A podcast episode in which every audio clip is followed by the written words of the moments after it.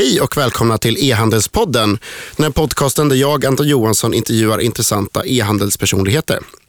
Eh, jag ska säga tack till vår samarbetspartner ehandel.se där ni kan hitta podden. Eh, till Aper som hjälpt mig spela in och klippa den. Och eh, idag har jag intervjuat en, en jätteintressant person som heter Sara som har varit med och startat Footway. En makalös tillväxtresa som nu omsätter flera hundra miljoner Eh, och som dessutom har gjort några spektakulära uppköp i bland annat Heppo som CDON ägde och eh, även eh, Brandos. Men innan det tänkte jag ta tillfället i akt och tacka Fyndik. Bara innan jag drar igång intervjun så tänker jag förklara hur Fyndik funkar. Det är så att eh, Fyndik har ju inga egna produkter själva på lager eller så, utan det är bara e-handlare som säljer där. Eh, så att de har tusentals handlare som eh, antingen manuellt via handlarinterfacet laddar upp och fyller i produktinformation och eh, eh bilder och allt sånt där. Och sen klickar publicera. Eller så har man en e-handelsplattform som har en koppling till Fyndik eller API-koppling. Eh, det kan man även koppla själv så, såklart mot deras API eh, om man har en egen byggd plattform. Och så kan man med matematik eh, publicera det på Fyndik.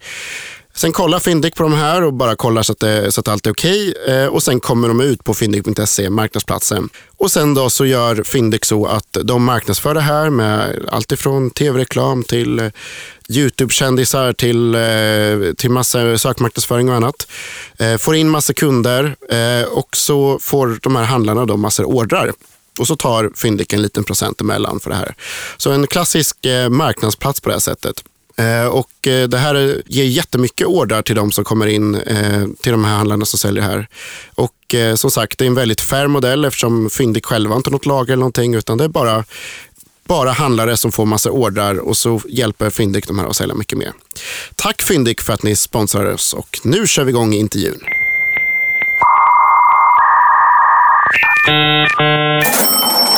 Hej och välkommen till E-handelspodden Sara Wimmerkrans. Tack Anton. Eh, du har ju varit med och startat Footway. Ja. Vilket är en stor anledning till att du sitter här idag och jag vill intervjua dig. Eh, men först tänkte jag väl att du såklart kunde få berätta om dig själv och ja, om du har pluggat eller var du är född och sådär. Precis.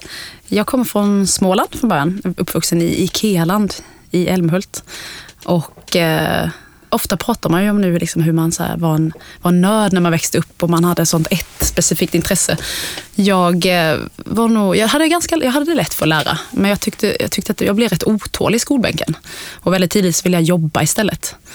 Det var till och med nog så att jag skolkade ibland för att kunna jobba. Eh, och på riktigt så här Smålandsmaner så ville jag bara ha så pengar på banken. Spara, spara pengar på banken. Och det var ju inte riktigt eh, för att shoppa, för det har jag aldrig haft tid med, utan det är någon sån här småländsk ådra. Liksom, väldigt tidigt sådär. Ehm, ganska snart, som många andra, så ville jag ju lämna eh, Älmhult. Och eh, det är lite så specifikt för mig tror jag att jag alltid varit ganska öppen för nya idéer. Jag har inte haft en sån väldigt så jättehård individuell målsättning. Du vet som en del säger, om tio år då ska jag vara där. Jag ska ha eh, åstadkommit det här och jag ska vara men för mig har det jag har inte riktigt varit så. Det är nog egentligen min stora styrka. För att det har, då har det liksom kommit grejer min väg och jag har varit väldigt så öppen för, för att göra spännande grejer. Och, eh, och jag är jätteglad att jag inte hade det, för e-commerce fanns ju inte ens liksom, när jag var ung. Så att det har verkligen lett in till väldigt spännande grejer. Eh, men jag var en eh, runda i München. Det var ett traineeprogram på Ikea som... Så du hamnade på Ikea ändå? Ja, alltså. du vet. Alla vägar bär till Ikea om man kommer från Älmhult får man säga. Men, nej, men jag blev lite tipsad. Som, som ett liksom, exempel på det jag egentligen sa så blev jag tipsad. Det är klart du ska söka det här traineeprogrammet. Det borde ju passa dig. Jag bara, det finns ju bara en liten detalj här och det är ju att man ska kunna tyska. Jag kan ju inte tyska.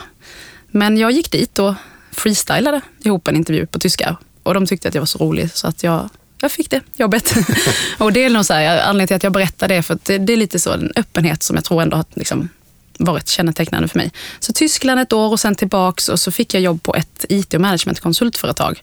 Eh, och det var en otroligt bra skola. Många där hade liksom gått på Harvard och hade dubbla examen och det var så här, hur kan man eh, skapa en tillräckligt bra struktur för att för att våga vara kreativ. Alltså på, I grunden behöver man koll på precis allting. Och det hade de. Det var så här, administrativt, strukturerat, det fanns en process för allting och det var ju, det var ju nytt för mig. Det är väl nytt, nytt för alla som är 19 men där ändå, det på något sätt har jag ändå burit med mig eh, väldigt mycket. Jag vet inte om jag tackat alla från Adakra-tiden men jag kanske får passa på nu om någon lyssnar. Det var otroligt lärorikt och där var det väl också så här, till skillnad från kanske klimatet så var van i Älmhult, men du borde ju verkligen plugga och du borde göra någonting. Så att jag, jag hamnade i skolbänken ändå.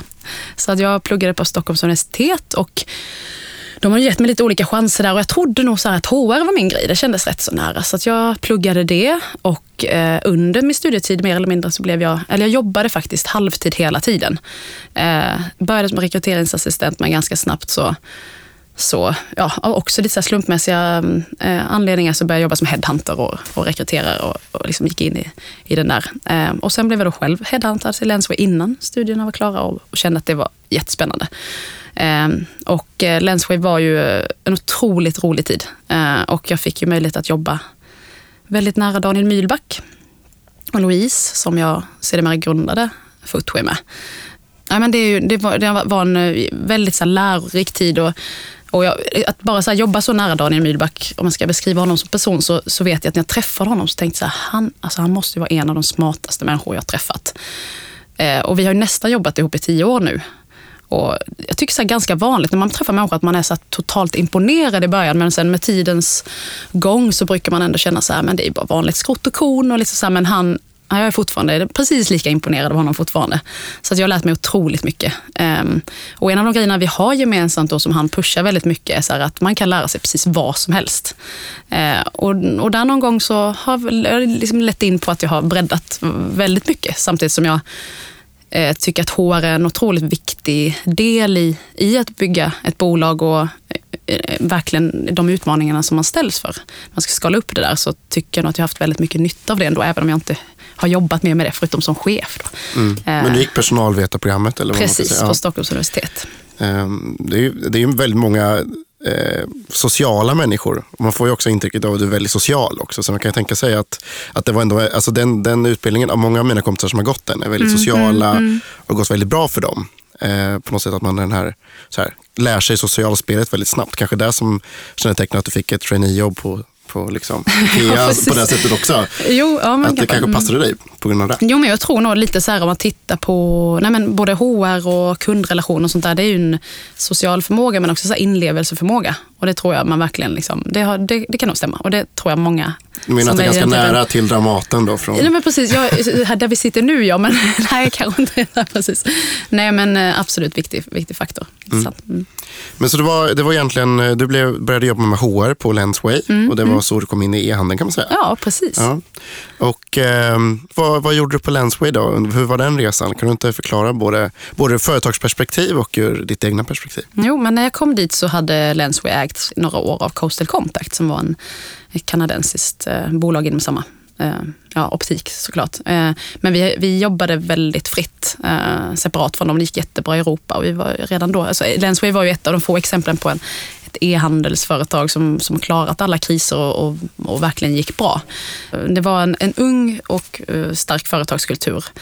Roliga fester och väldigt mycket hårt jobb. Eh, 2010 så, så hade vi väl jobbat ihop i några år och kände så att eh, lite turbulenta tider med Daniel eh, satt ju också i, i styrelsen i eh, moderbolaget som en representant för framförallt kanske de europeiska ägarna. Och eh, som han är så kände han att han ville ju verkligen försvara ägarnas intressen och, och ifrågasatte lite ersättningsprogram eh, som föreslogs av styrelsen och valde också att eh, faktiskt eh, lägga ner sin röst i, en, i ett ett styrelsebeslut. Och det var väl en upprinnelse till en ganska turbulent tid där den kanadensiska ledningen ville byta ut eh, delar av den ledningsgruppen som jag satt i under flera år. Och eh, vi började ganska eh, omgående prata om, om liksom andra planer. Och det, man kan säga att det första som hände när Daniel eh, sa upp sig var att vi egentligen såg ett stort värde i att ha ett aktieägarvärde och ett kundvärde för Lensway att vara självstående igen. Så vi, Daniel Mylback tillsammans med ett investerarbolag la ett, ett bud eh, uppbackat av oss i ledningsgruppen då på, på bolaget. Och det var en ganska turbulent tid. Det var ett väldigt liksom, marknadsmässigt bud, men, eh, men det, det blev en turbulent tid kan Sånt man säga. som händer när bolaget är ganska stort. Ofta. Ja. Jag kan tänka mig liksom att Man känner, tänker att större bolag köps och säljs hela tiden av private Mm, equity-bolag och allt möjligt och investeringskonsortium och sådär. Um, sånt upplever man inte riktigt lika mycket när man, när man, är liksom, ja, eh, när man håller på att bygga bolaget och är lite mindre kanske. Nej, nej precis. Men, eh, men hur stort var Lenswave vid den här tidpunkten? Omsatte runt 500-600 miljoner. Eller 500 miljoner. Det måste ju varit ett av Europas större på den här tiden. Liksom. Precis, absolut. Um, som jag förstod det så fallerade det här budgrejen som där de försökte Ja, köpa men de valde att inte gå vidare med, den, Ja. med det budet. Och, och det, vi ville vi fortsätta jobba ihop. Vi kände att vi hade så väldigt mycket kvar att ge och, eh, och också eh, liksom saker som vi kände att vi hade gemensamt och fångat upp under vägen. Så vi satte oss egentligen med lite olika. Det var jag, Daniel Myhlback, Louise Liljedahl och Sten Dahlstrand eh, som sen blev vår CFO på, på Footway. Vi satte oss med lite olika affärsplaner eh, och vi tittade efter en, en del punkter som vi ville skulle vara så här uppfyllda. Men det, det slutade i alla fall med att liksom, vi tyckte att skor hade störst potential. Eh, och det var några faktorer som, som egentligen talade för det. Och det ena var att det fanns ett kvitto på någon annanstans i världen där eh, där det verkligen fungerade bra. Då hade ju liksom Zappos haft en otrolig resa i USA och egentligen förändrat den amerikanska skomarknaden. Eh, det andra var att eh, det var en hög inträdesbarriär. Det är ganska svårt att ge sig in på att sälja skor på nätet. Eh, Det fanns inte... så- Det, det skrämde inte, annars kan ju det vara jobbigt också. det, det kan vara jobbigt, men vi såg ändå det som en... Så här, vi, vi, vi, är rätt, eh, vi har rätt förutsättningar för att göra det där och det kommer förmodligen vara begränsat med folk som kan göra exakt det där. Så det, tro- det tyckte vi var en bra grej. Samtidigt som det ändå fanns aktörer, det fanns ju konkurrenter. Och det, det såg vi som nästan bara positivt för att då är det ändå någon som har så här börjat utbilda kunder i ett i ett, i ett nytt sätt att handla skor helt enkelt. Så det var, vi tyckte att själva marknaden och, och barriärerna var i, i lagom proportioner för att vi skulle ge oss in där. Eh, och sen så var det också en, en annan faktor var att det är en känslomässig produkt kan man säga. Linser är ju lite av en så här toapappersprodukt, att när det, när det är slut så köper man nytt. Men skor är ju Ja, men precis. Skor älskar ju alla. Eh, så det kändes som en bra grej och jättekul. Så då körde vi det 2010. Ehm, men, men då måste man ändå tänka, liksom så här, det, det fanns ändå ganska... ehm, var det liksom självklart att ni skulle starta ett e-handelsbolag igen då? Eller kollade ni även på helt andra affärsidéer? Det var nog ganska självklart att det skulle vara e-handel. Eller så här, vi, vi, våra basics är ju e-handel och logistik. Och vi tänkte nog lite naivt faktiskt att men herregud, det är ju grunden. Det är klart att skor, det är absolut inga problem. Eh, och det, det har ju lett till ganska så här, roliga historier om hur vi trodde totalt att vi liksom skulle, att skulle lära oss det på några dagar. Man tror ju alltid att det kan väl inte vara så svårt, men, men det är ju inte så lätt. Eh, en helt ny produkt. Sådär. Eh, vi åkte bland annat till eh, Düsseldorf på en liten resa på en mässa skulle vi på.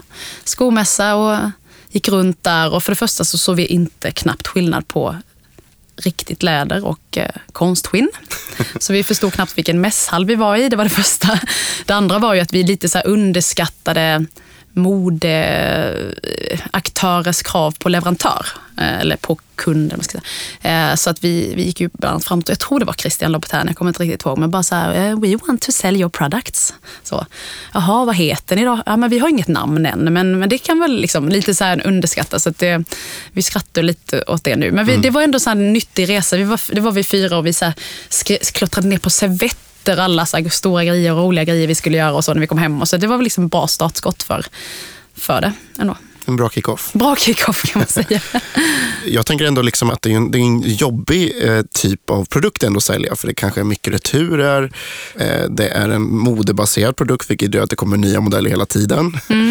Eh, och så där. Hur tänkte ni kring det här? Hade ni någon ny så här, idé om hur ni skulle lösa det? här? Eller tänkte ni att ni vill lösa det under vägens gång? Så här kan man säga, i alla branscher så finns det inneboende myter. Så kan man säga. Och det, man behöver försöka slå hål på dem. Eh, och jag tycker kanske att du rörde vid två, eh, inte myter. Den första med returer så är det ju såklart ett det är ju en stor andel returer. Eh, lite lägre än vad vi befarade faktiskt.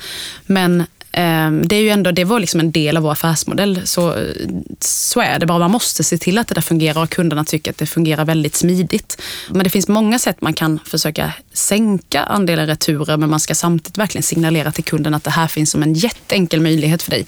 Så att svaret på den är att det var en del av vår affärsmodell liksom, när vi räknade på det. Och så där. Det pratas ju väldigt mycket om det. Jag kan, kan bli lite förvånad över hur förvånad man verkar vara över den. För att det är ju ändå rätt så här, så är det liksom att hålla på med e-handel. Man måste bara få se till att det funkar. Det jag tycker är ett mycket, mycket större problem är hur mycket värde man måste binda i lager i och med att det är en traditionell bransch.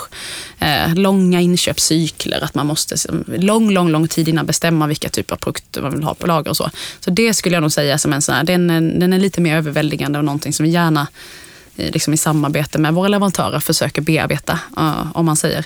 Eh, och den, den andra grejen med mode är faktiskt så att det tänkte vi med, att gud, det måste ju vara ganska svårt. Men när man tittar på den traditionella handeln, där då har man plats för 600 par skor. Så att de har jobbat liksom i hela vår livstid med att försöka övertyga oss om att det är de här, exakt de här som gäller nu. Det man märker när man har ett lite större sortiment och möjlighet att ha större sortiment är att det är ganska liten andel av försäljningen som faktiskt är så spot on trend. Eh, så att eh, visst, det finns ju en som en aspekt, men, eh, men att hantera det, ja, det, det är en svårighet, men, ja, men inte så stor som man skulle kunna tro.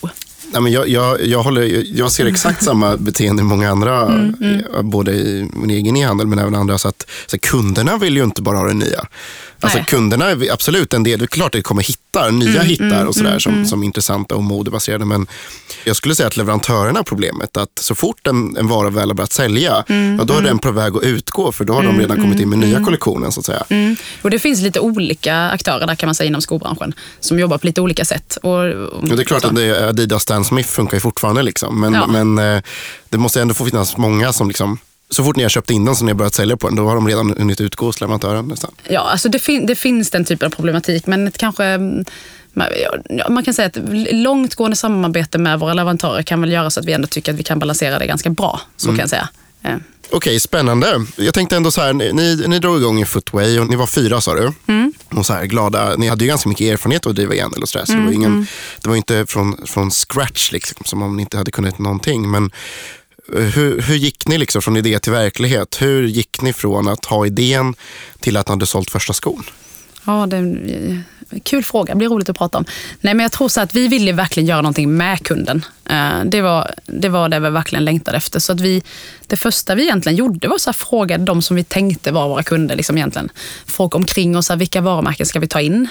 Och det, det känns viktigt att det var ett av våra första steg, för det är så vi jobbar väldigt mycket. Så att kunden, vi vill att kunden ska sitta i vår ledningsgrupp, som jag brukar säga. Det låter kanske som en floskel, men, men på riktigt, vi vågar verkligen fråga kunden om, om mycket. Så att utifrån det så har vi egentligen liksom byggt vårt sortiment från en första kontakt med kunden. Och sen har man ju data som visar det sen. Så att, liksom, eh, så att egentligen kunden som en viktig bidragande faktor i det där. Sen var det ju egentligen, alltså, vi var ju då fyra från början och vi gjorde precis allt, alla vi.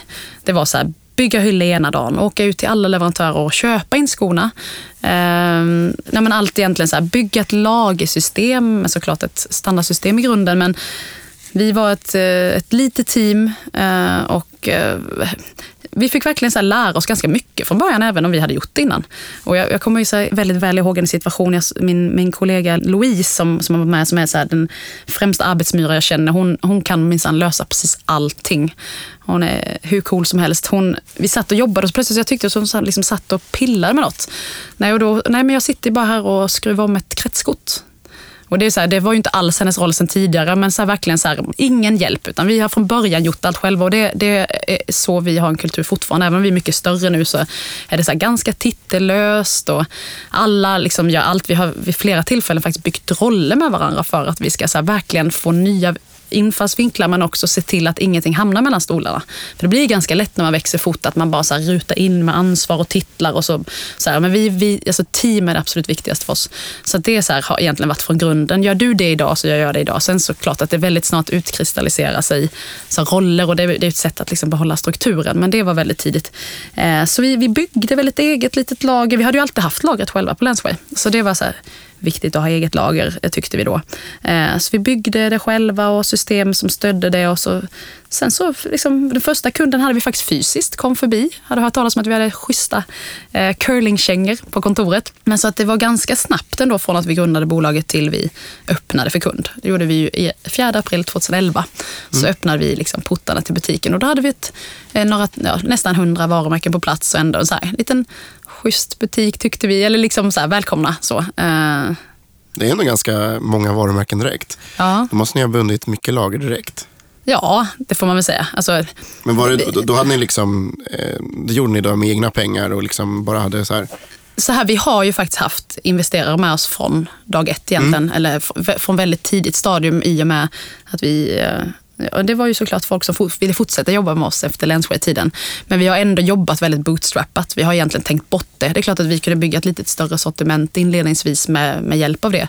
Men eh, det är nog väldigt, mycket mer likt en startup än man skulle kunna tänka sig en sån här grundstartup. Vi satt liksom hemma hos varandra i början och, och sådär snålade, åt, åt knäckebröd, drack vatten. Det är väl överdriva, men nästan. Liksom. Eh, så att vi hade några framförallt privata investerare med oss eh, från början. Ja, vi kan återkomma till det, men, men liksom, ni, ni köpte in och ni lanserade en sajt och ni började Mm, sälja ganska snabbt. Sådär. Hur snabbt gick det egentligen? Alltså, man får ju ändå upplevelsen av att ni har haft en väldigt snabb resa. Mm, Nu är ni, ni är fem år nu. eh, Och hur, hur gick det liksom, första sex månaderna? Sålde ni liksom för hundratusentals kronor eh, första veckan? Eller hur, hur var Nej. resan egentligen? Det gjorde vi inte. Vi, vi var så här att vi, vi ville nog inte slå på någon trumma alls innan det kändes väldigt bra.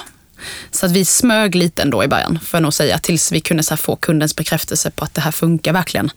Ni är lite så här typiska entreprenörer som är så perfektionister inte riktigt vill, vill visa upp för kunderna innan det verkligen är en perfekt upplevelse. Nej, nej men lite så tror jag nog. Att vi, alltså kunden är ju liksom det... Om inte de gillar det vi gör så jobbar vi för fel saker. Så det är så här, självklart, vi gör verkligen vårt allra yttersta för att det ska kännas kul och bra för dem och enkelt. Liksom. Eh, och sen så, så är det ju viktigt att ändå våga köra så att vi kan få deras feedback såklart. Men vi, vi smög väl lite under 2011 så kan man säga. I början. Bland annat så lanserade vi bara i Sverige först. Det var först under hösten som, och egentligen kommande vinter som vi kompletterade med de andra skandinaviska länderna. Det är ändå ganska snabbt i och för sig. Kanske. ja, men, men eh, hur gick det liksom första året? Eh, Fick ni upp försäljningen ganska snabbt och såg ni att liksom, kunderna verkligen gillar att handla? Eller hur? Nej, men alltså, man, nej, men det gick väl egentligen enligt förväntan så kan man säga. Vi har väl haft eh, men det var väl framförallt egentligen så de, de kommande åren därefter som vi, vi skalade upp det och liksom hade en liten så här större marknadsförings... Eh, liksom, eh, ja, men insats, eller man ska säga, som, och då vi kände att vi skulle skala upp det också. Eh, så det har väl gått, eh, men ja, det går bra. Och om man tittar så nu, nu hoppar jag kanske fram i tiden, men tillväxt har ju såklart varit ett jättestarkt fokus hela tiden och är fortfarande, men vi har också verkligen prövat modellen till, tillräckligt för att veta att vi, vi är lönsamma. Om Eh, vill, liksom. Om vi vill, och det har vi liksom, eh, ja men så det känns jättekul. För det där är tror jag en, en grej som, som många så här, ja men de är inte lönsamma än. Och så, man hör, ser i mycket forum att folk pratar om och så här att eh, ja men många av de här större, då, ni och så där, inte varit lönsamma. Men, men min upplevelse när jag träffar er är ju att ni hela tiden kollar om ni kan vara lönsamma och så istället men våga gasa på för att ni liksom har bevisat modellen på något sätt. Nej, nej men verkligen. Det känner- jag också när man pratar med, herregud, och särskilt tror jag man pratar med den lite mer så traditionella skolan. Eh, så, så det är ingen idé att du ens, jag har faktiskt till och med min familj, min, min styvpappa han är företagare och han har liksom investerat allt som allt ett par tusen i sitt bolag och det har alltid liksom gått med vinst och sådär. Eh, och han är så här, men, men kom tillbaka och berätta mer när ni är lönsamma och så. Men han, till och med han börjar nog faktiskt förstå nu att för att liksom växa man, så, så behöver man liksom satsa på ett annat sätt. Om man verkligen vill i en global konkurrens verkligen växa snabbt så behöver man ju ha det typen av fokuset. Men jag tror att det är väldigt få, precis som du säger, som inte ändå har provat det. Jag hoppas ju att man liksom, så ändå så här, Plus att jag tänker att det här är ju, alltså, särskilt inom, inom ert nisch, liksom, är ju verkligen en sån här volym business. Liksom. Mm, Att verkligen. desto, desto bättre volymer, desto lägre inköpspriser, desto mer Precis, volymer, desto precis. mer återköp och så Ja, och desto hö- högre sortiment, desto högre konvertering. Alltså Allt ändå är ju volymbaserat på ett visst sätt. Och det, det är också det här med intressbarriär som vi pratar om, att det gör ju det också liksom så. Mm. Men om vi ska gå, tillbaka till det här investeringsgrejerna ni ändå tagit in. För det, är, eh, det har ju nästan varit så var, varje halvår att det känns som att ni har tagit in nya pengar. Ja, så känns det så, Anton? Förklara. man följer med. Nej, men alltså, ni, ni har ändå varit en av de mest kanske aggressiva e-handelsresorna i Sverige de senaste fem åren, får man ändå säga. Ehm, från början var det eh, privata investerare, om jag förstod det rätt, bland annat Rutger Arnhult som var någon slags fastighetsmiljonär eller miljardär, man ska säga. Ehm, och då var det, ni tog in lite privata investerare i första... liksom, ja, och, vi själv, och vi själva då egentligen. Ja, Ja. Och- ja, självklart ja, precis, själva, det ja, förstår jag. Det är, man börjar ju alltid lägga in allt Mm. man själv har. såklart. Och hur gick det sen? Och då, då kom ni igång första året kanske. Eller så här. Hur gick ni vidare sen då? Mm. Och verkligen börja skala upp? Mm. Nej, men eh, någonstans så är det så här, för att, för att verkligen kunna liksom växa så behöver man också bredda sortiment och behöver liksom ha eh, så. Så att både sortimentfrågan och eh, också så här förvärvsstrategi kan man väl säga, som vi ändå på något sätt kanske inte hade ursprungligen, men helt timingmässigt har det ju blivit så. Man kan säga så här att vi har gjort emissioner för att det gått tillräckligt bra. Inte för att det har gått så dåligt så vi behöver det, eh, utan för att vi ser att vi kan växla upp det lite fortare och, och med en liten push så kan det göras mm. på det sättet. Så att det är väl egentligen, jag vet inte om du svarar på din fråga. equity bland annat? Precis, ja. equity var en av de första och även Industrifonden har ju där, eh, har vi också som ägare och nu senast då förra året, eh, egentligen i samband eller strax efter, vi köpte aktier i Brandos så har ju Northzone också tillkommit. Eh, och förutom ja, men kapital så är det ju otroligt mycket liksom, bra, bra människor och mycket så här, kunskap som, som de har bidragit med. Och mm. engagemang får man väl säga. Kul. Det låter som att ni har tagit in framför allt för att liksom kunna fortsätta bygga sortiment och, och lagerhålla mer, men även för, för att kunna förvärva mycket. Mm. Och då är väl egentligen två saker antar jag. Det ena är att köpa in alltså, marknadsföring, mer kunder och bolag. Mm. Um, men om vi tar de här uppköpen nu när du ändå var inne på det. Mm. Um, det kändes lite som att ni fick så här Heppo i knät ganska tidigt. Att mm, mm. De måste ju varit mycket större än vad ni själva var då när ni köpte dem. Mm. Ja, men det var lite så kul för när vi började, så ganska så fort när vi kom på att vi skulle göra skor, så när vi liksom tog beslutet så vi kände vi till Brandos men vi visste faktiskt inte om Heppo. Så att det var lite så kul. Då hade vi en konkurrent till och vi kände oss verkligen som en så här liten, liten, liten eh, aktör. Det var ju ändå en signifikant liksom, eh, uppköp. Så jag, jag läste liksom, det var över 40 miljoner i och för sig i, i transcher och sådär. Men, mm, men det måste ju mm. ändå varit en enorm ett enormt förvärv för ett så litet bolag som er. Mm, nej, men det, var, det var verkligen eh, stort och, och det, är alltid, det finns ju alltid så utmaningar med att ta över det men vi, liksom, vi, vi såg ändå att uppsidan var så väldigt, väldigt stor och där vet jag att det föll ner lite som en chock så i branschen att vi faktiskt ganska snart valde att, att göra en heppo som man tydligen säger inom e-handel och, och liksom släcka ner en eh, e-, ett varumärke. Men och, och, där såg vi ju att de hade funnits en relativt liten tid eh, och inte hunnit bygga så jätte jättemycket varumärke. Eh, mer än oss, men ändå inte så mycket. Så att vi, för det är så här, vi har provat i Länsjö-tiden både att liksom köpa bolag och behålla varumärken, köpa bolag och släcka ner varumärken. Det, man, det vi ändå har lärt oss är att det är mängden utmaningar och komplexiteten i utmaningen ökar otroligt mycket med fler varumärken. Så det var så ett noga övervägt beslut eh, och man kan väl säga att det var en jättebra affär för oss. Det är väldigt svårt att säga direkt, men när vi tittar på det i liksom rätt perspektivet nu så kan vi säga att det var en otroligt bra grej för oss. Att kunna växla upp med den hjälpen som vi fick från det som Heppa. Men vad var det ni, ni liksom fick då? För det är ändå intressant eftersom ni stängde ner sajten och sådär. Så ni hade en kunddatabas självklart. Mm, då. Ni, mm. ni, fick ju liksom en, i och med det en, en, en upparbetad kundkrets som gick in ändå och direkttrafik som gick in och handla och sådär. Men fanns det även andra aspekter som att de hade en del leverantörer som inte ni hade? Eller Både fanns... leverantörer som vi inte hade och såklart sortiment som vi ändå sagt, det, det gör man ju nog undersökning vad som finns där och det var, det var ett bra sortiment som vi kunde bredda med. Eh, och sen vissa så, såklart SEO och SEM-fördelar eh, som vi också var en, en noga liksom, i kalkyleringen som vi, som vi såg som värde som Just det. Ja, för att, jag förstår grejen att, att Heppo inte var lika... Alltså det var inte ett jättestarkt varumärke. Så att, eller det är klart att det var ett starkt, men det var liksom mm, ingen... Mm Eh, det var inte som, som Footway idag. Liksom. Men, eh, men vi var väldigt många som älskade deras sajt. Mm, mm. Eh, så för, för, min del var det mer att jag saknat, jag tyckte deras sajt var så, var så bra. Liksom. Mm. Men, eh, så, det, så det får ni gärna ta upp igen. Ja, ja du, du, känner så alltså. Nej, men jag, jag hoppas väl att vi, vi, vi, att vi ändå har, liksom, med, med Heppo-kunderna, vi har ju kunnat, många Heppo-kunder har ju ändå så här, lärt sig förhoppningsvis att, att gilla Footway. Jag hoppas att vi ändå har kunnat göra dem nöjda som footwear-kunder ändå, trots att vi såklart fick höra mycket sånt i början. Så är det ju. Mm. Men, men eh, lyckas man få över alla kunder när man gör sånt här förvärv? Alltså när man får dem upp dem i ett annat varumärke. Det, tappar man många då eller är det ett, funkar det ganska bra? Vad är er erfarenhet? Liksom? Eh, det, det, det, finns lite olika strategier som man kan, man kan göra. Man, det går att få över en, en, liksom en betydande del ändå. Eh, men man behöver göra det så snyggt och så liksom nära den kunden som möjligt. För att man hoppas ju någonstans genom ett övertagande att man ska kunna bidra med mer värde till en kund. Och då är det väldigt viktigt att visa det. Att vi liksom har vissa fördelar som vi kan som erbjuda som vi hoppas gör att du ändå är nöjd trots att du liksom var en Heppo-kund från början. Eh, och vi har ju sett att det, det är klart att precis som i ren tid gör ju så att man tappar en del kunder men eh, det gick... Eh, det har funkat. Liksom. Det har funkat. Ja. Det har funkat. Men nu när ni köpte Brandos då så, så valde ni ändå den andra grejen att Vi gjorde kvar. inte en Heppo, nej. Nej, exakt. eh, vilket du kanske förstår, för, för det är ju, Brandos var ju väldigt stora ändå. Liksom. Precis. Ja. Och där, ja, där har vi precis, de har ju funnits längre tid, ett otroligt starkt varumärke, egentligen fler kunder i andra skandinaviska länder. Det var nog precis enligt samma kalkylering så valde vi att behålla branders som varumärke. Även om det såklart innebär en del komplexitet i kulturella och tekniska och alla de här bitarna så, så var det ändå ett... Så, ja, det, det, mm det var självklart.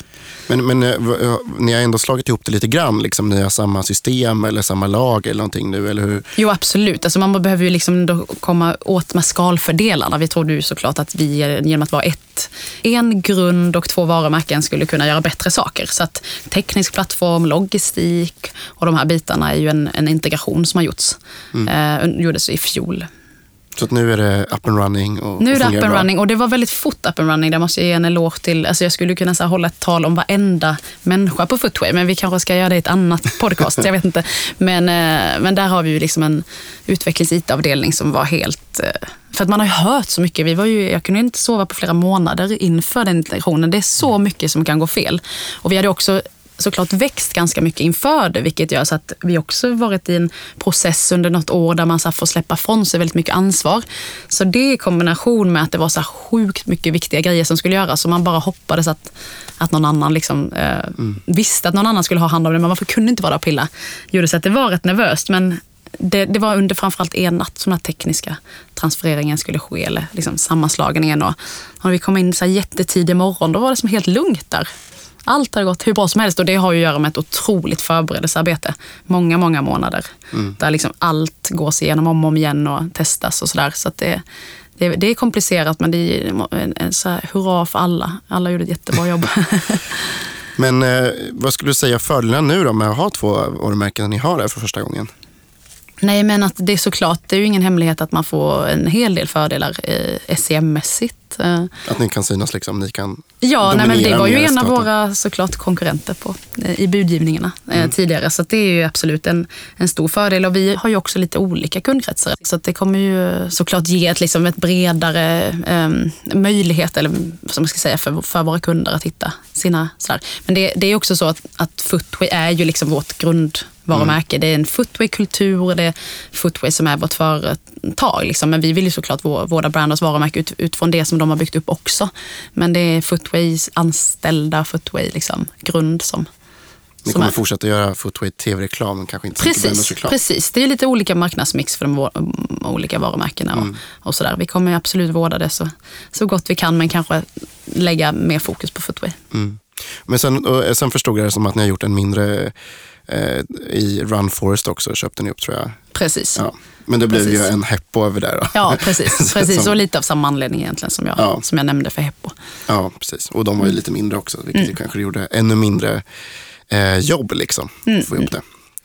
Eh, men det, det, är spännande med förvärvsstrategi. Det, det är ju ganska, inte jättevanligt i, i Sverige annars just nu. Så det känns som en ganska så aggressiv grej som ni gör. Eh, ligger lite i framkant där också. Ja, ja, ja kanske. Nej, men alltså det, det har ju varit eh, otroligt liksom bra möjligheter vi har fått där, får man säga. Det har ju verkligen bidragit till vår, vår tillväxt. Och... Skulle du säga att det är någonting som du tror eh, andra e-handlare skulle kolla mer på att liksom gå ihop med andra eller köpa upp Så om man tittar på olika branscher så har det varit liksom hängande i luften ganska länge inom skor att det kommer ske konsolideringar. Mm. Och vi som små aktörer var väl liksom så att eh, vi sa ju ofta att någon kommer, liksom, någon kommer köpa, någon kommer köpas. Tänk vad kul om vi skulle kunna köpa. Vi har nog blivit överväldigade av att det gick så bra så att vi hade möjlighet att göra det, får man väl säga. Men, så jag tror liksom att det beroende på vilken bransch man är i så, så kommer det liksom vara ofrånkomligt. Så det är lite svårt att ge som ett råd, sådär, liksom. men det är klart att det är ju ett, ett bra sätt att, att, ta sig framåt. Liksom. Mm. Eh, beroende på hur branschen ser ut så, så för oss har det varit ett jättebra sätt. Skulle du säga att det är också en viktig grej ju större man blir? För att det är svårare att växa organiskt ju större man blir också, eller? Ja, ja nej, men det är klart att det finns den aspekten, absolut. Det, det, blir inte lättare och lättare. Nej, nej, men, nej, men och det är väl överlag så att vi, det, vi inte pratat så mycket om när vi grundade Footway, men man kan väl säga så att det var såklart en uttalad strategi att bli ett miljardbolag. Mm. Det kan man väl ändå säga. Eh, så att vi byggde verkligen en grund för det det är så himla lätt att man bara växer och växer och växer så bara ökar komplexiteten för varje dag egentligen. Men vi byggde en så otroligt enkel grund som skulle kunna skalas upp. Och det har vi också lärt oss av våra liksom olika resor sen innan. Eh, så det tror jag, lite, oavsett vilken så tillväxtstrategi man har så har det varit ganska eh, tidigt som vi förstod att vi skulle bli stora. Och det kan också är lite kännande tecknande för vår tid om man jämför med för några år sedan när man skulle kunna starta i garaget och bara växla upp. Så, mm. så har vi ju haft en väldigt liksom, uttalad så här, vi ska kunna ta det här stort väldigt snabbt. Eh, men det viktigaste för oss har ändå faktiskt varit eh, kundnöjdheten. Mm. Så att vi liksom aldrig, vi hade inte gjort det där om vi inte hade kunnat, oavsett tillväxtstrategi som vi haft bakåt och har framåt, så hade vi aldrig gjort det om vi inte trodde att vi kunde bibehålla kundnöjdheten. Så mm. att även om man säger, det låter, när du säger aggressivt så ryggar jag lite och vet inte riktigt vad jag ska svara för det känns inte alls som ett, ett av orden som skulle liksom, det känns inte footway för mig. Och mm. inte liksom när jag är med, med teamet eller sådär, utan, utan vi, vi är väldigt så här, företag som egentligen där alla processer på något sätt är, är kundnära. Eh, mm. Och har Men det är, ganska, från början. det, är ganska, det är ganska stor ambition i alla fall kan man ju säga från början. Jo, precis. Och det är också för att vi tror nog verkligen att vi tycker att kunder ska, ska liksom ha tillgång till ett stort sortiment och det ska vara enkelt. Då. Men jag själv, en så här, som sagt, jag har inte tid för att shoppa. Jag är själv så här perfekt e-handelskund och jag, vill ju, jag vet ju liksom vad jag... Så att vi vill ju verkligen så här, eh, göra rätt sak för kunden, och, även om vi växer fort. För det är ju så här, det är ju liksom, får inte tappa fokus. Mm. Men, eh, men berätta lite mer om, om liksom er affärsidé som kundnöjdhet. Alltså på något sätt känns det som att varenda gång jag träffar dig så är det så här, du pratar bara om kunden hela tiden. Mm, liksom. mm. Um, det låter som att det var en så central del i idén. Att så här, mm, mm. vi ska ha de nöjdaste kunderna eller vi ska jobba mest kundnära och det är så vi ska vinna. är det mm, liksom en rätt analys eller hur var egentligen? Um, redan på Lensway så insåg vi att vi hade väldigt så här, gemensamma värderingar i det där. Och då tittade vi lite faktiskt på Sappos. Jag vet när de så här, hade, man fick läsa om deras värderingar och då var det så, vi hade ju inte en tanke på att vi skulle jobba med skor då. Eh, men vi bara, men herregud, det låter ju som vi. Alltså, de har ju verkligen liksom, det där med så här, känslor som ändå så här, skor kan väcka var ju någonting som vi verkligen liksom tittade på, på redan då. Eh, och, och, vi sa så här, men tänk om vi skulle kunna bygga något kundnära. Det var verkligen en av faktorerna när vi tittade på så här, verkligen ännu mer kundnära. Jag säger att Lensway är ju otroligt bra på det också, men det, det är väl liksom lite så annan produkt. Eh, så att, absolut, och, och, och det, det, låter lite kanske som, eh, när du säger det, som att det är lite som en strategi, men det är också en så total övertygelse hos alla som jobbar ute hos oss.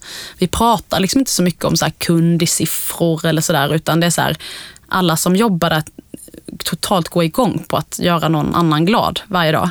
Eh, och det, det, har vi varit väldigt medvetna för varje rekrytering så har det varit en så central, central del också, den grejen som ligger mig närmast i allt jag gör. Eh, och det är likadant som social media och sådär, att vi, vi tyckte att det var så totalt bra timing när vi startade Footway för det har ju skett en så stor förändring liksom, i och med social media. Att, att på något sätt makten har flyttats från marknadsavdelningarna ut till, till konsumenten och så. Det tyckte vi var så himla bra på något sätt och härligt. Så då tänkte vi, okej, okay, då får liksom kunden bli vår reklam Eh, liksom, det är de som får så här, avgöra om vi ska, liksom, hur, hur, snabbt vi ska växa och så vidare. Vi, vi ser till att allt vi gör är så bra så att kunden har något bra att säga.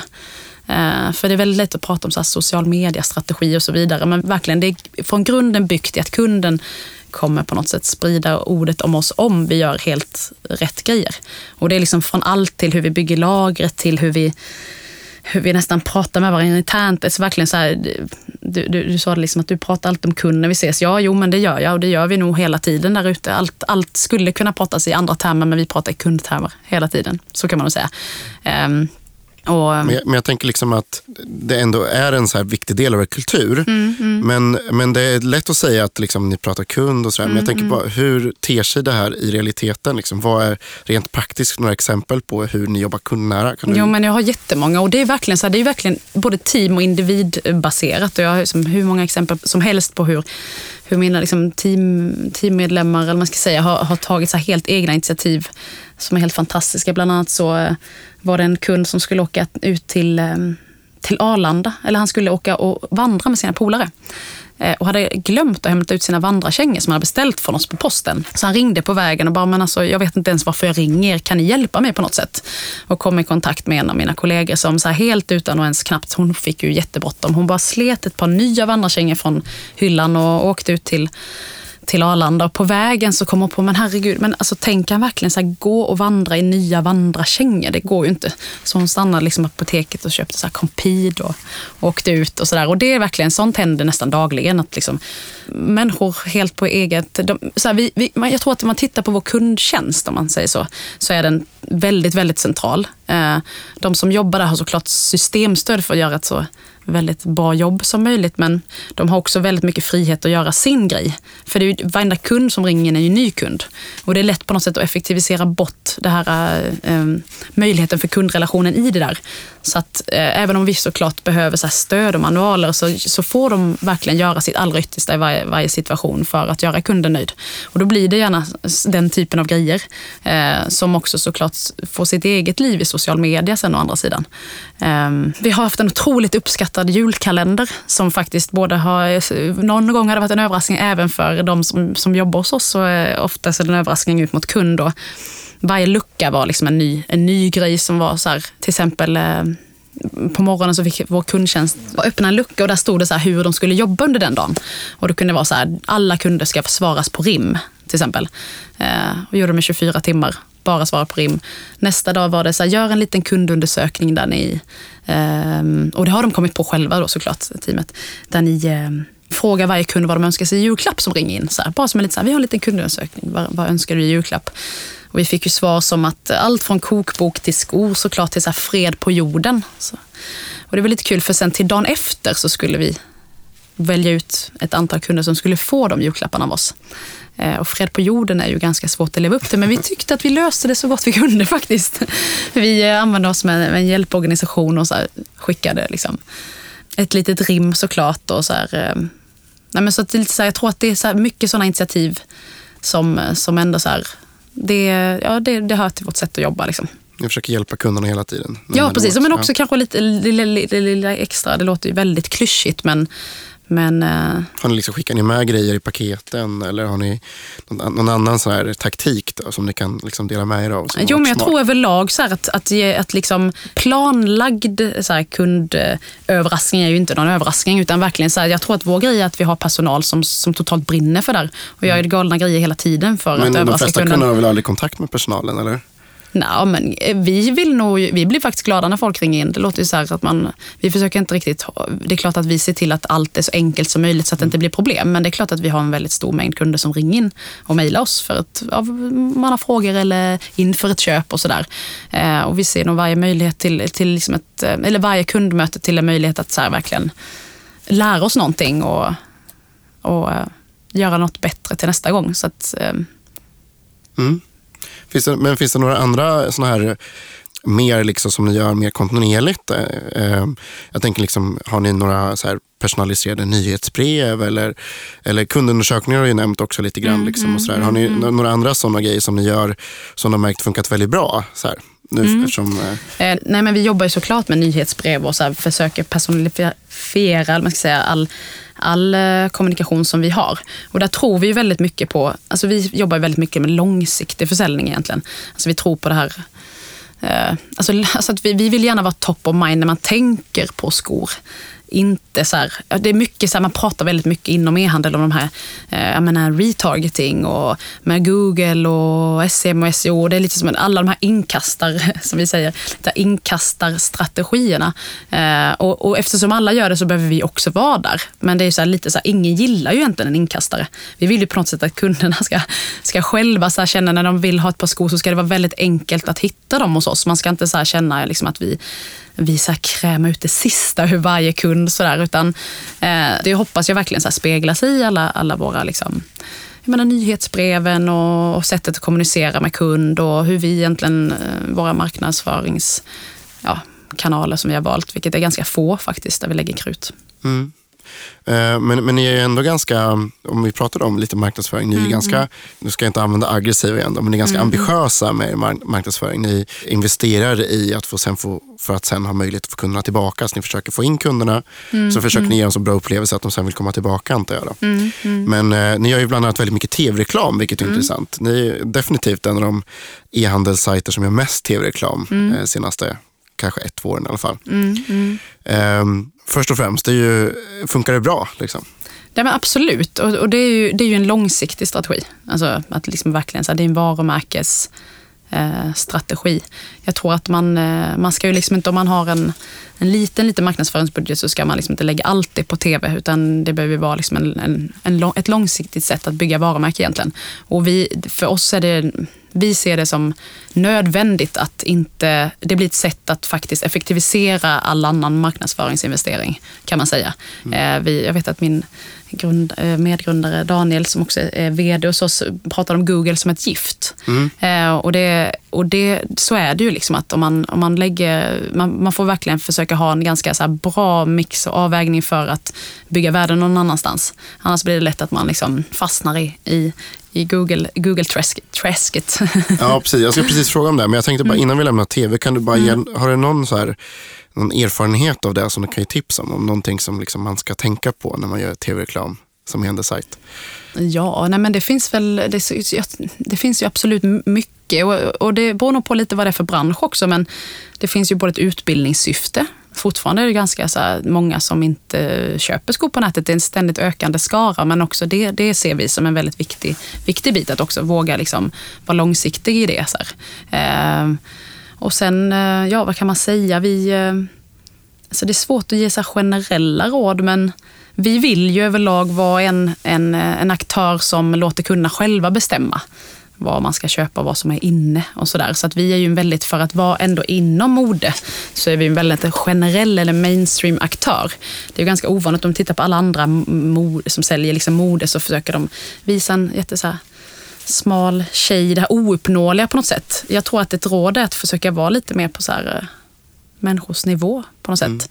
Att till, till, till alla, gemene man. Så här, vi har ju verkligen skor för alla och vi kan inte lova att du blir jättesmal och jättesnygg med dem, men vi kan lova att du får den hjälpen du behöver när du ska köpa ett par skor. Eh, så det, det skulle jag nog gärna vilja se mer av, mer av alltså på något sätt eh, lämna över valet till kunden. Mm. Och vara lite mer mainstream. Ja, men lite så. Mm. Ja, ja, men det är bra tips. Nu skulle jag vilja tacka vår mittsponsor Contentor. Contentor hjälper till med översättningar, eh, skriva texter, eh, hjälper till med, med, olika typer av textskrivande eh, och är såklart extremt duktiga på översättningar till massor av olika språk. Så ska du internationalisera, vilket eh, bland annat eh, intervjugästen idag, i år, idag har gjort till flera olika länder, eh, så kan ni absolut använda er av Contentor på ett smidigt sätt. Både automatiserat men även mer för, för enskilda texter. Så gå in på contentor.se om ni vill veta mer. Som sagt, din medgrundare då Daniel, han, han mm. sa ju så här eh, att Google är ett gift för e-handel. Mm. Um, och, och det kan man ju förstå, liksom. det är ju verkligen, de, de sitter ju på en väldigt viktig kanal liksom, mm, mm, som alla måste använda sig av. Mm. Eh, han nämner även prisjämförelsesajterna som, som Google och prisjämförelsesajter äter upp marginaler. Um, och så säger han på lång sikt ger TV, eh, tv-reklam mer tillbaka för pengarna. Men jag tänker liksom tv-reklam kommer ju funka sämre och sämre. Mm. Ser redan att tittarna mm. går neråt och sådär. Mm. Så att, eh, men sen så kollade jag i, i någon annan undersökning som jag tror eh, Topdog, sökbyrån, hade gjort. Att ni mm. var en av de hundra största Google-annonsörerna i Sverige. Mm, så, så ni, eh, eh, Eh, Google måste vara extremt viktigt för er också. Jo, absolut. Kan man säga så att Google på något sätt äger ju internet för väldigt många människor. Det är ju liksom en ganska som stark maktfaktor. Eh, och man kan väl diskutera hur, de, hur, hur, bra det är. Jag tänker inte ge mig för djupt in i det, får Daniel göra. Men, men eh, vi, vi, det är klart att vi lägger väldigt mycket, vi, våra kunder kommer ju där. Men jag kan säga att liksom genom att ha ett, ändå ett varumärke som är lite starkare i, i folks medvetande så, så, så är det också någonting som ger oss mer tillbaks på vår Google-annonsering. Alltså genom att ha en bredd i det vi gör. Man vill ju såklart vara på topp tre eller topp tio. Men det kan ju såklart förbättra ens möjligheter till klick att ha ett känt varumärke. Och det är ju också något som Google rankar upp väldigt mycket. Just det, då kan man få klick till lägre pris för att man har, även har Precis. ett kändare varumärke. Precis, så det är klart att vi det. Och det är väl lite det jag menar med att eftersom alla kör inkastarstilen så, så tvingas vi också till det. Vi ser ju hellre på försäljning som en mer långsiktig strategi. Att vi, vi skulle gärna se att liksom en återkommande kund en återkommande kund är ju något som vi jobbar mer för egentligen än att liksom så här, Um, men, men innebär det här att om fem år, då, när ni är den här största aktören på, är top of mind på skor mm, i mm, Sverige, mm, mm, kommer ni liksom vilja dra ner då på inkastarstilen och mer jobba med de befintliga kunderna? Ja, men och det är väl egentligen så. Det är väl så om man tittar över tid så är det ju precis så. Att per, per liksom, varje förvärvad eh, Eh, kund så, så går ju, liksom, man kan ju på olika sätt jobba för att de priserna ska, eh, liksom, kostnaderna ska gå ner. Så att absolut så hoppas jag, tror ju att det kommer ju, att internet, det kommer ju finnas liksom massvis med trafikgrejer eh, som vi kommer vara väldigt aktiva inom. Men jag tror så här, lite som jag pratade om innan, man pratar otroligt mycket om hur man ska så här, eh, alltså, finnas på Google såklart, men också lite på hur man ska här, manipulera Google, eller vad man ska säga. Hur man ska så här, eh, använda, vilken, vilken byrå använder ni för att, och liksom vilken så här, mm. vi har faktiskt, nu kommer den här kundgrejen igen, vi har ju, på något sätt så är ju ändå all typ av ranking från Google byggd på ett visst antal variabler. Bland annat så här, upplevelsen på sajten, inlänkningar, eh, användarvänlighet och de här grejerna som är så att det ska ju vara kundbaserat. Jag tycker man pratar lite för lite om hur faktiskt man bygger en organisation som som ser till att de grejerna är på plats. Hur bygger vi en organisation som faktiskt på riktigt gör så att Eh, nu pratar jag inte SEM utan SEO då till exempel. Eh, kunder skriver om oss och länkar in till oss. Hur bygger vi en, en sajt som på riktigt uppmanar eh, kunder att skriva där och göra den eh, liksom, till en väldigt så här, informativ, väldigt värdefull liksom, sajt. Hur jobbar vi? Hur jobbar vår personal med det? Det tycker jag att man ska skriva böcker om snarare än liksom, hur ska man lura mm. Google. Eh, och det tror jag sen kanske skiljer oss ganska mycket. För man pratar, när vi, jag träffar andra e-handlare så, bara, så står man väldigt mycket och så här, utbyter SEO-tips och sådär. Klart att vi har människor som jobbar med SEO, vi har faktiskt allt sånt, både SEM och SEO inhouse.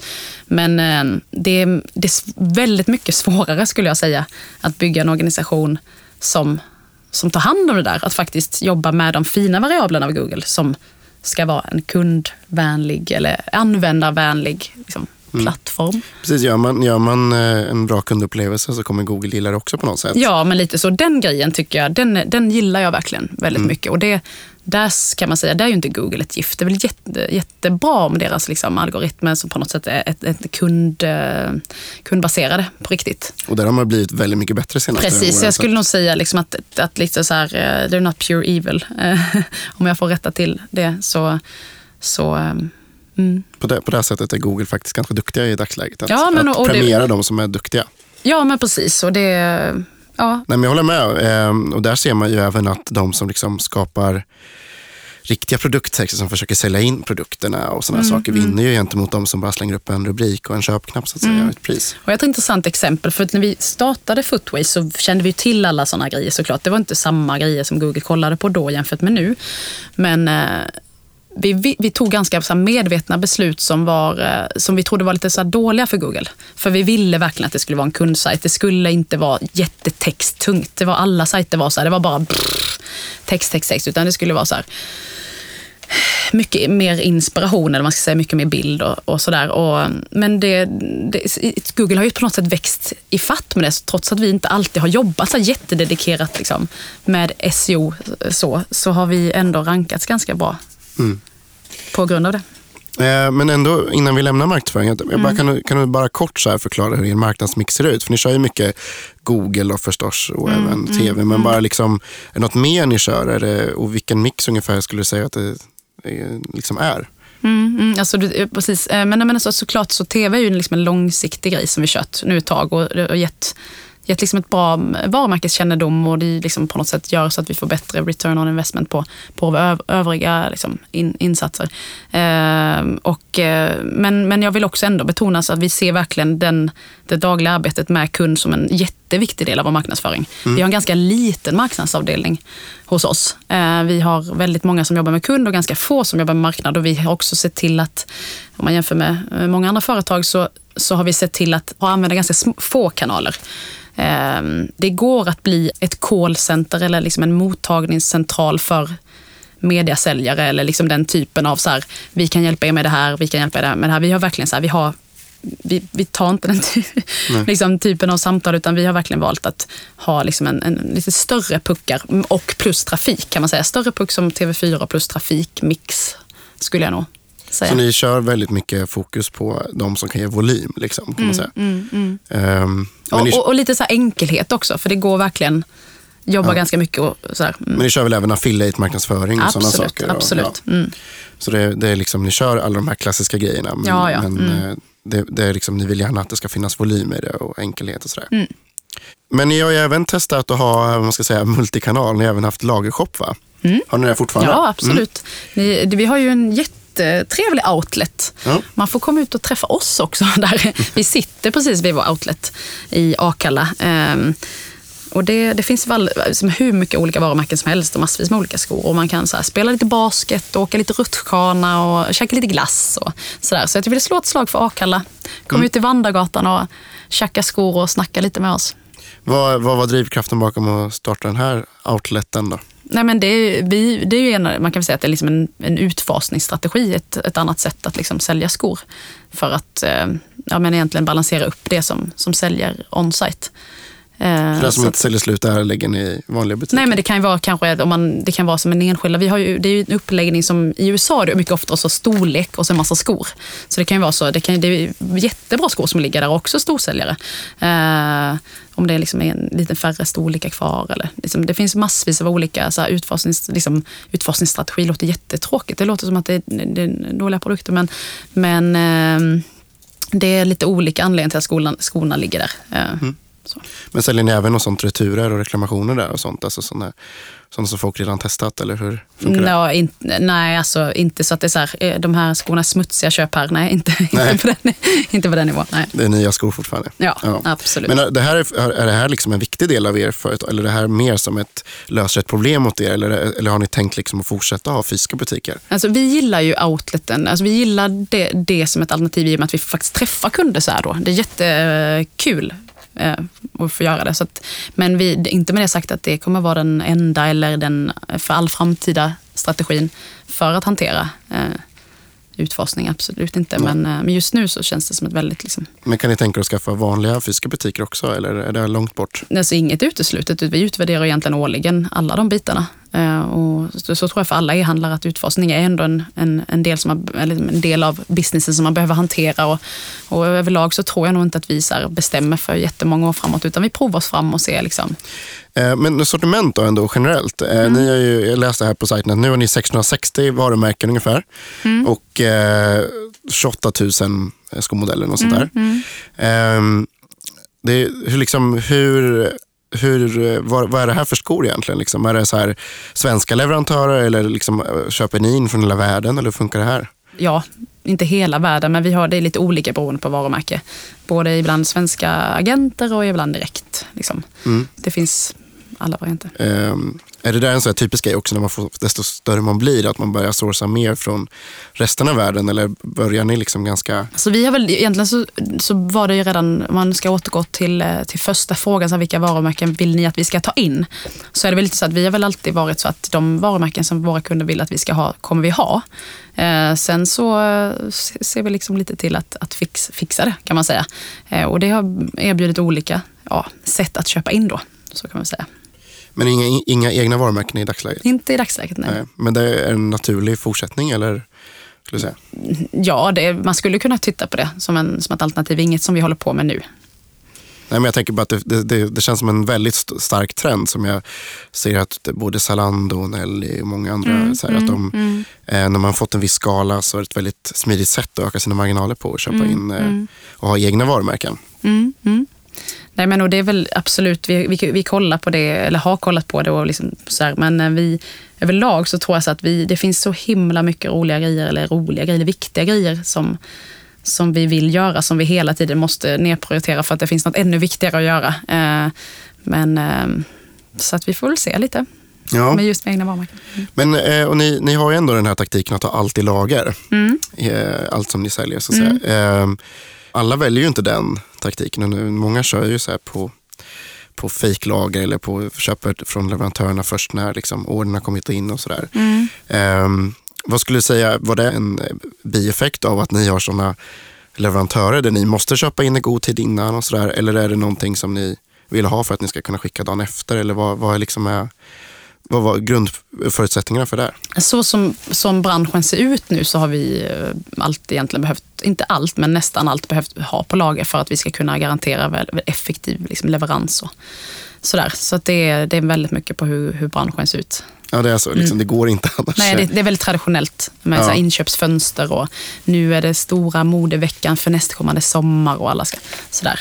Så ni liksom nu på våren träffar eh, leverantörerna för att köpa, liksom, och köper in det som ska komma i höst och sådär hela tiden? Och... Ja, ännu längre fram ju. Är det så? Ett ja, år precis. liksom? Ja. Ja. Ja, precis.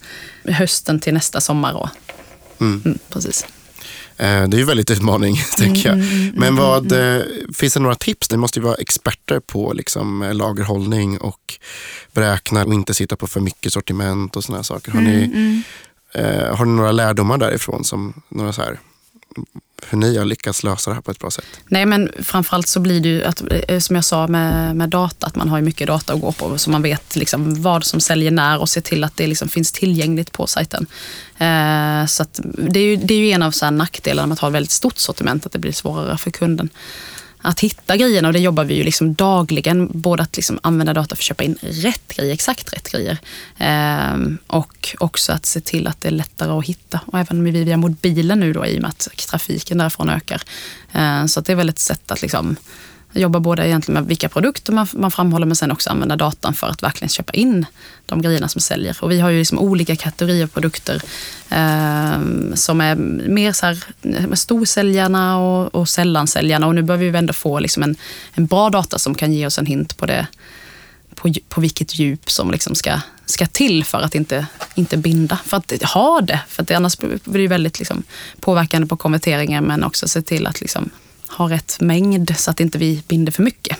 Men det tar är ju liksom... Att, det är dyrt att både inte ha och att ha. Liksom. Ja, För att har man dem inte så konverterar ingen. Har man det, så Nej, nej men verkligen. Så det är ju faktiskt en, det, det låter ju som kanske basic, men det är ju ganska, liksom, det är ju en sån verkligen databaserad balansgång. Och också som, som många år hjälper en mer. Och lite så här best, best pals med vädergudarna kan ju också hjälpa, hjälpa i den. För det har vi ju sett i branschen att så här, väder kan ju ändå ställa till det utifrån att eh, det, en, en, en säsong uteblir såklart. Så det kan man ju inte riktigt så rusta sig för. Men det, det gäller att ha en balansgång liksom. Mm. Men ni måste ändå vara ganska, på det sättet, ganska säsongsberoende. Liksom. Att det Mm, finns nej, ändå en, en stor säsongsvariation.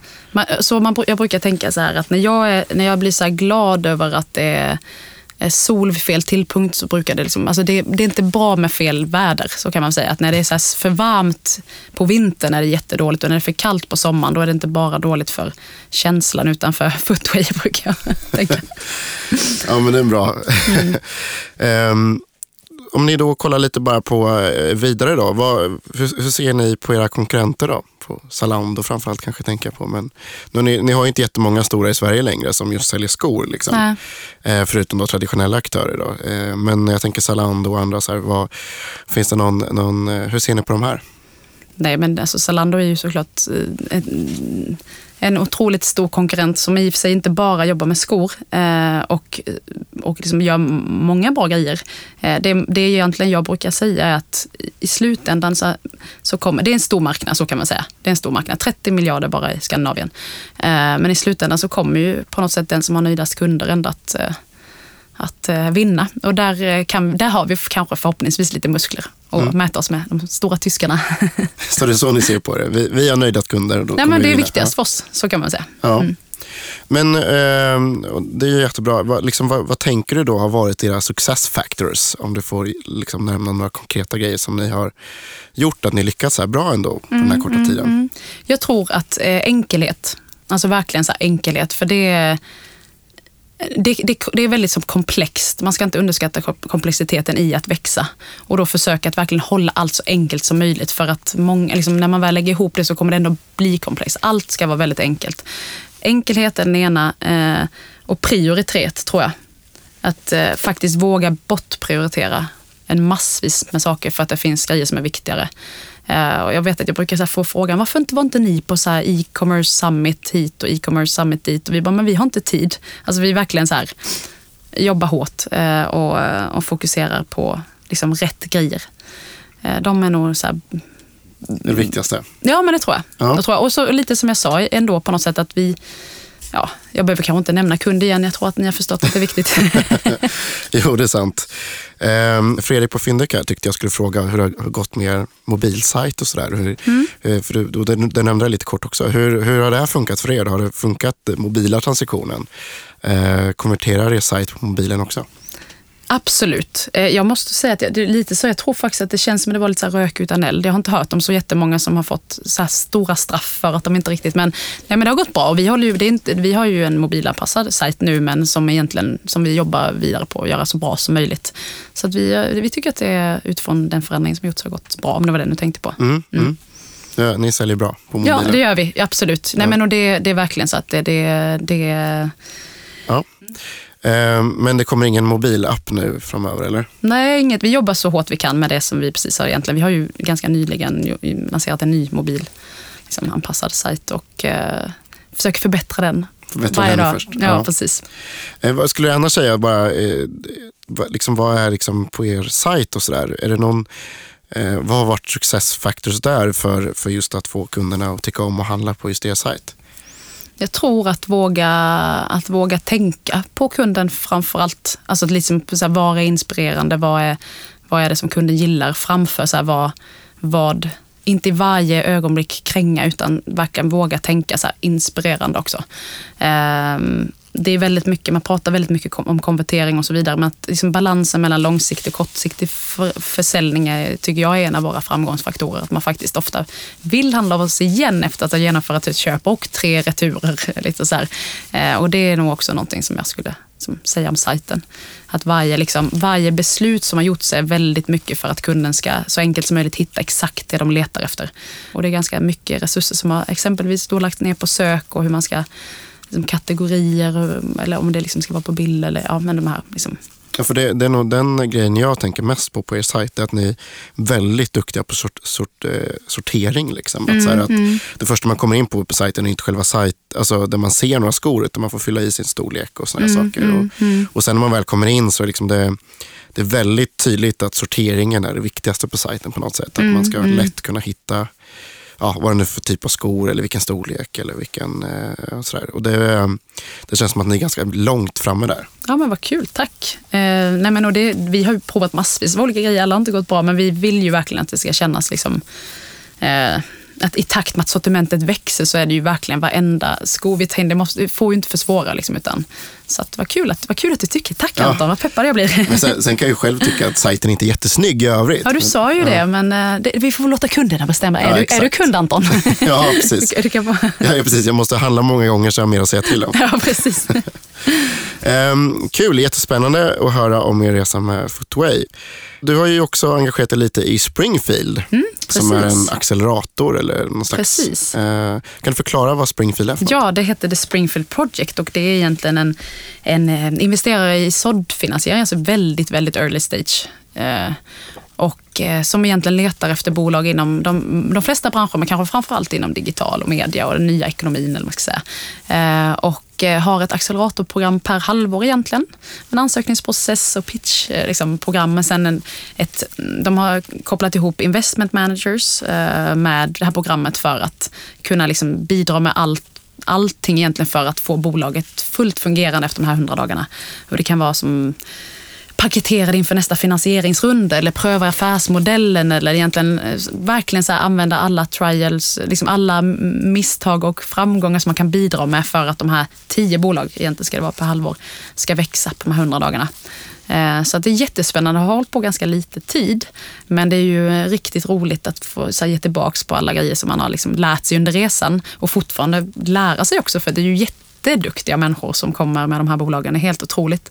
Vi har ju träffat ett, ett tiotals bolag och det, det är verkligen så här, många som vill och kanske till och med kommer förändra världen.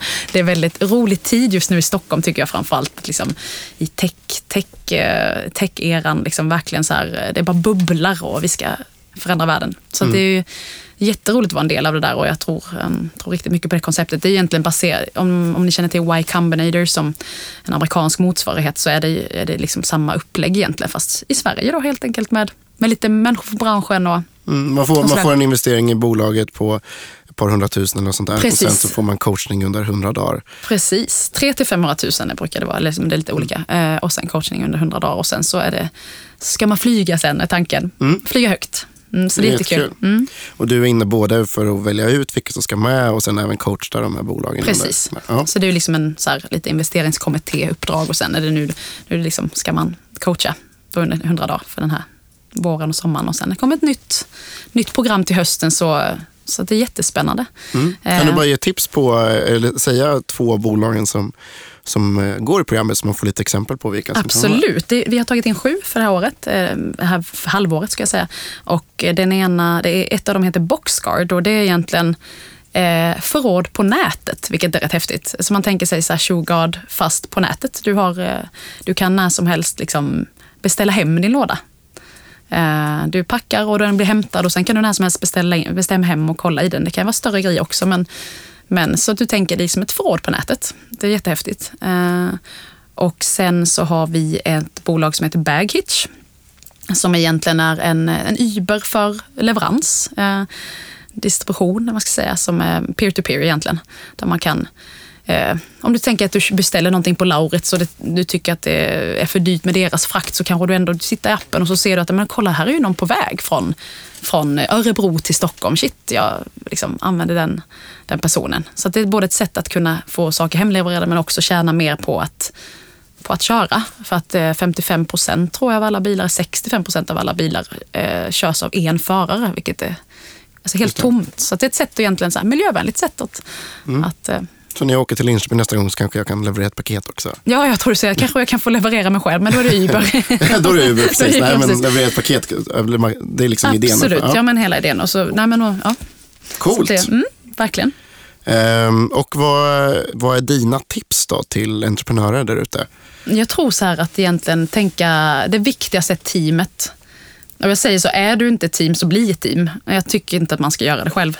Ja, alltså hela Footway-resan är ju på något sätt eh, en, team, en teamgrej helt och hållet. Och då pratar jag inte bara om rundan utan verkligen varenda person har varit med och format och gjort det till vad det är. Eh, och, och hade det inte varit ett team så hade jag till exempel inte kunnat vara mammaledig.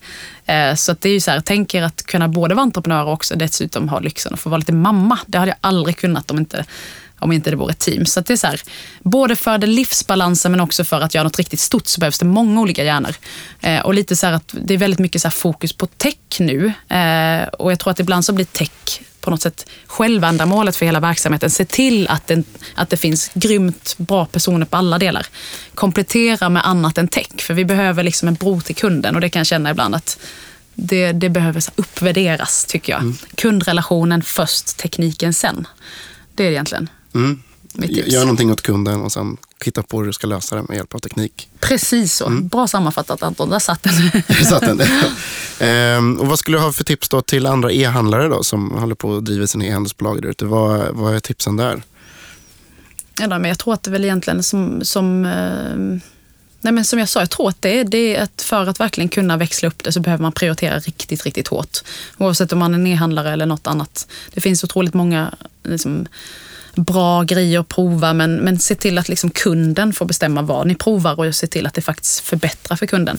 Och våga också ta med kunden i beslutsprocesserna. Nästan allt, liksom, kanske inte varje enskild kund men den sammantagna volymen av kunder är en otroligt stark kraft för vägen framåt.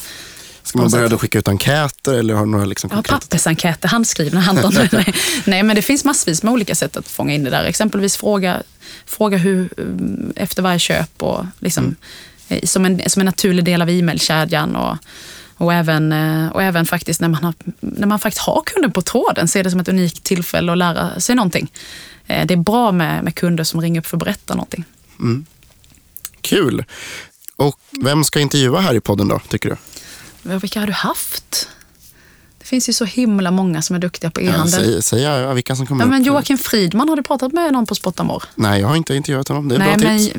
eh, kör på Jocke. Han är både trevlig och duktig. Mm. Ja, vi har tips om- pratat om det. Så... Ni har pratat ja, om det. Absolut. Ja, men också Susanna Jaffi eh, som har grundat eh, Eleven.se och Parell. Det här, eh, ja, skönhet på nätet helt enkelt.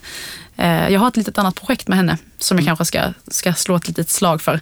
Vi, eh, vi har, under årets lopp så jag, blir man ofta kontaktad av entreprenörer som har gjort bra grejer men kanske inte riktigt har känt att de fått kontakt med investerarbranschen eller liksom investerare.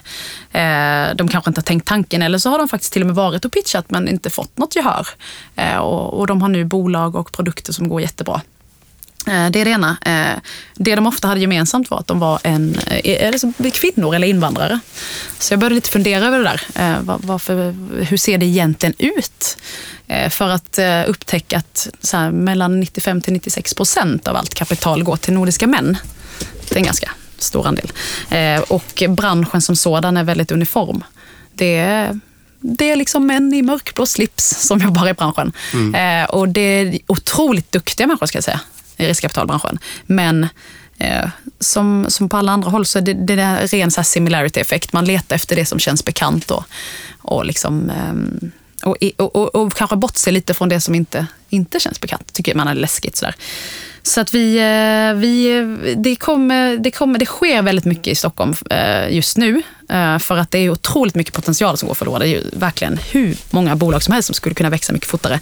Och kommer även en, ett nytt, nytt projekt till hösten, eller egentligen en ny modell för att attrahera och hitta den mm, det, Vänta den potentialen Ja. egentligen. Så det är lite så spännande. Jag såg bara ett frö nu, men du kan säkert få ett scope sen senare i höst. Ja. ja, men du och Susanna har ett, roligt projekt på gång inom det här Ja, men verkligen. Och, och några till faktiskt ett väldigt brett engagemang kring det där. Så det känns jättespännande. Kul, Mm. då får vi höra mer om, från dig då i höst sen kanske. Ja. Ehm, avslutningsvis då, vad, nu har vi pratat mycket om Footway, vad är Footway på väg? Vad kommer Footway vara om några år?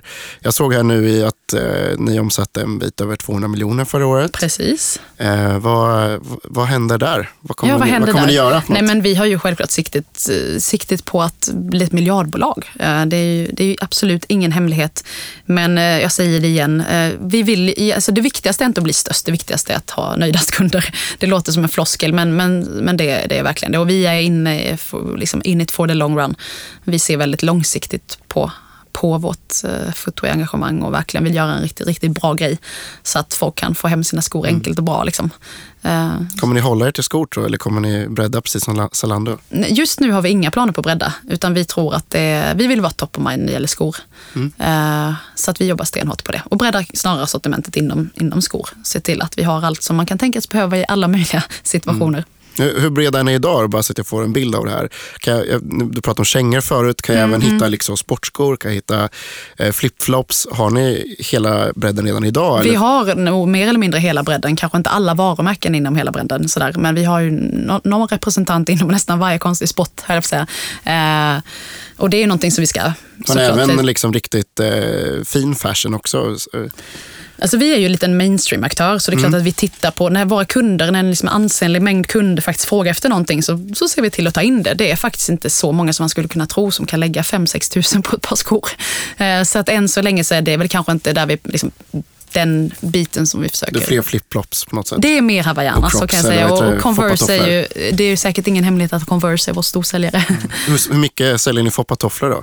Mer än man skulle kunna tro. Ja, visst är det är så. Ju så Ja. det är ju, ja, precis. Och det är väl just det som är lite häftigt. Att det skulle kanske inte riktigt eh, den traditionella branschen. När man tittar in där så kanske man inte tror att det är en het grej. Men det är Men fortfarande de är så en fantastiskt poppis. fula. Ni borde sluta sälja dem bara för att, Du tycker det för att färre borde gå runt i dem. Men blir du kund så kommer du med och säga till om. Jag säger det Ja, igen. ja, det är bra.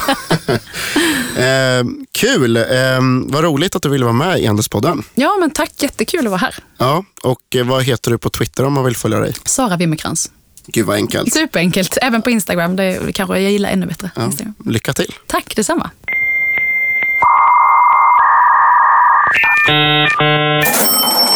Tack för att ni lyssnat på podden och eh, har ni kommentarer eller tips eller annat så glöm inte att följa oss på e-handelspodden på Twitter. Eh, ni hittar podden på ehandel.se, vår samarbetspartner. Eh, jag skulle även vilja tacka Per som hjälpt mig klippa och spela in. Och såklart så skulle jag vilja tacka vår huvudsponsor Fyndik. Där alla ni e-handlare som har massa produkter ni vill sälja ska gå in på fyndik.se handlare och eh, se till att börja sälja där och testa det. Det är väldigt enkelt att komma igång och testa med bara ett par produkter eller vad man nu vill. Eh, så tack Fyndik eh, och på återseende.